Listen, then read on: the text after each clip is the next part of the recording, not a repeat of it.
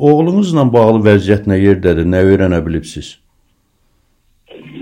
Tapdıqları heç nə öyrənə bilmirik demək olar ki. Sadəcə bir dənə dedi ki, 10-cu polis bölməsinin əməkdaşı dedi ki, e, oğlun hüquq mühafizə orqanlarındadır, e, narahat olmuyor. Yəni arxain ola bilərsiniz ki, e, başqa yerdə deyil. Yəni sağdır, başqa yerdə deyil. Yəni bu deyək ki, e, başqa cinayət işlərlə bağlı e, tutulmuyor. Tabii o. Belə çıxdı yəni. Sabah zəng olunacaq. Sabah, deyir, sabah zəng olunacaq. Deyirəm, yox, büyümləri rəsmi olaraq e, müraciət, e, cavab verin. Cavab verin ki, hardadır? Nə verəcəksiniz? Hansı cəza verəcəksiniz? Bu siyasi sifarişdir. Mənə görə oğlumu tutublar. Buna mən min faizi, min faiz əgər olursa.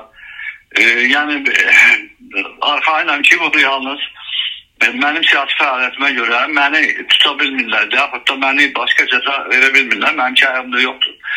Qarabağı bitirmişəm. Yəni tə, təzyiq vasitəsi kimi oğlumu hansısa ola bilər ki, o da yazı yazıbdır. Ancaq o yazdığı yazıları hər bir kəs yaza bilər. Hər bir fərd yazır. E, Ondan da kəskinləri, ondan da deyək ki, e, ciddi şeylər yazan var. Niyə məhz mənim övladımı e, həbs edirlər? Oğruyurlar. Yəni bu oğurluqdur da gəlib çör, uşaq gedib çörək almağa e, deməli mağazadan düşüb axşam yeməyi üçün çörək almağa və gəlməyib. O gəlməyib, bu gəlməyib. Nəhayət e, həyatdakı uşaqları axtarış eləmişdik. Ora bura heç çörək dükanına da getməyibdi. Orada da tanıyırlar onu.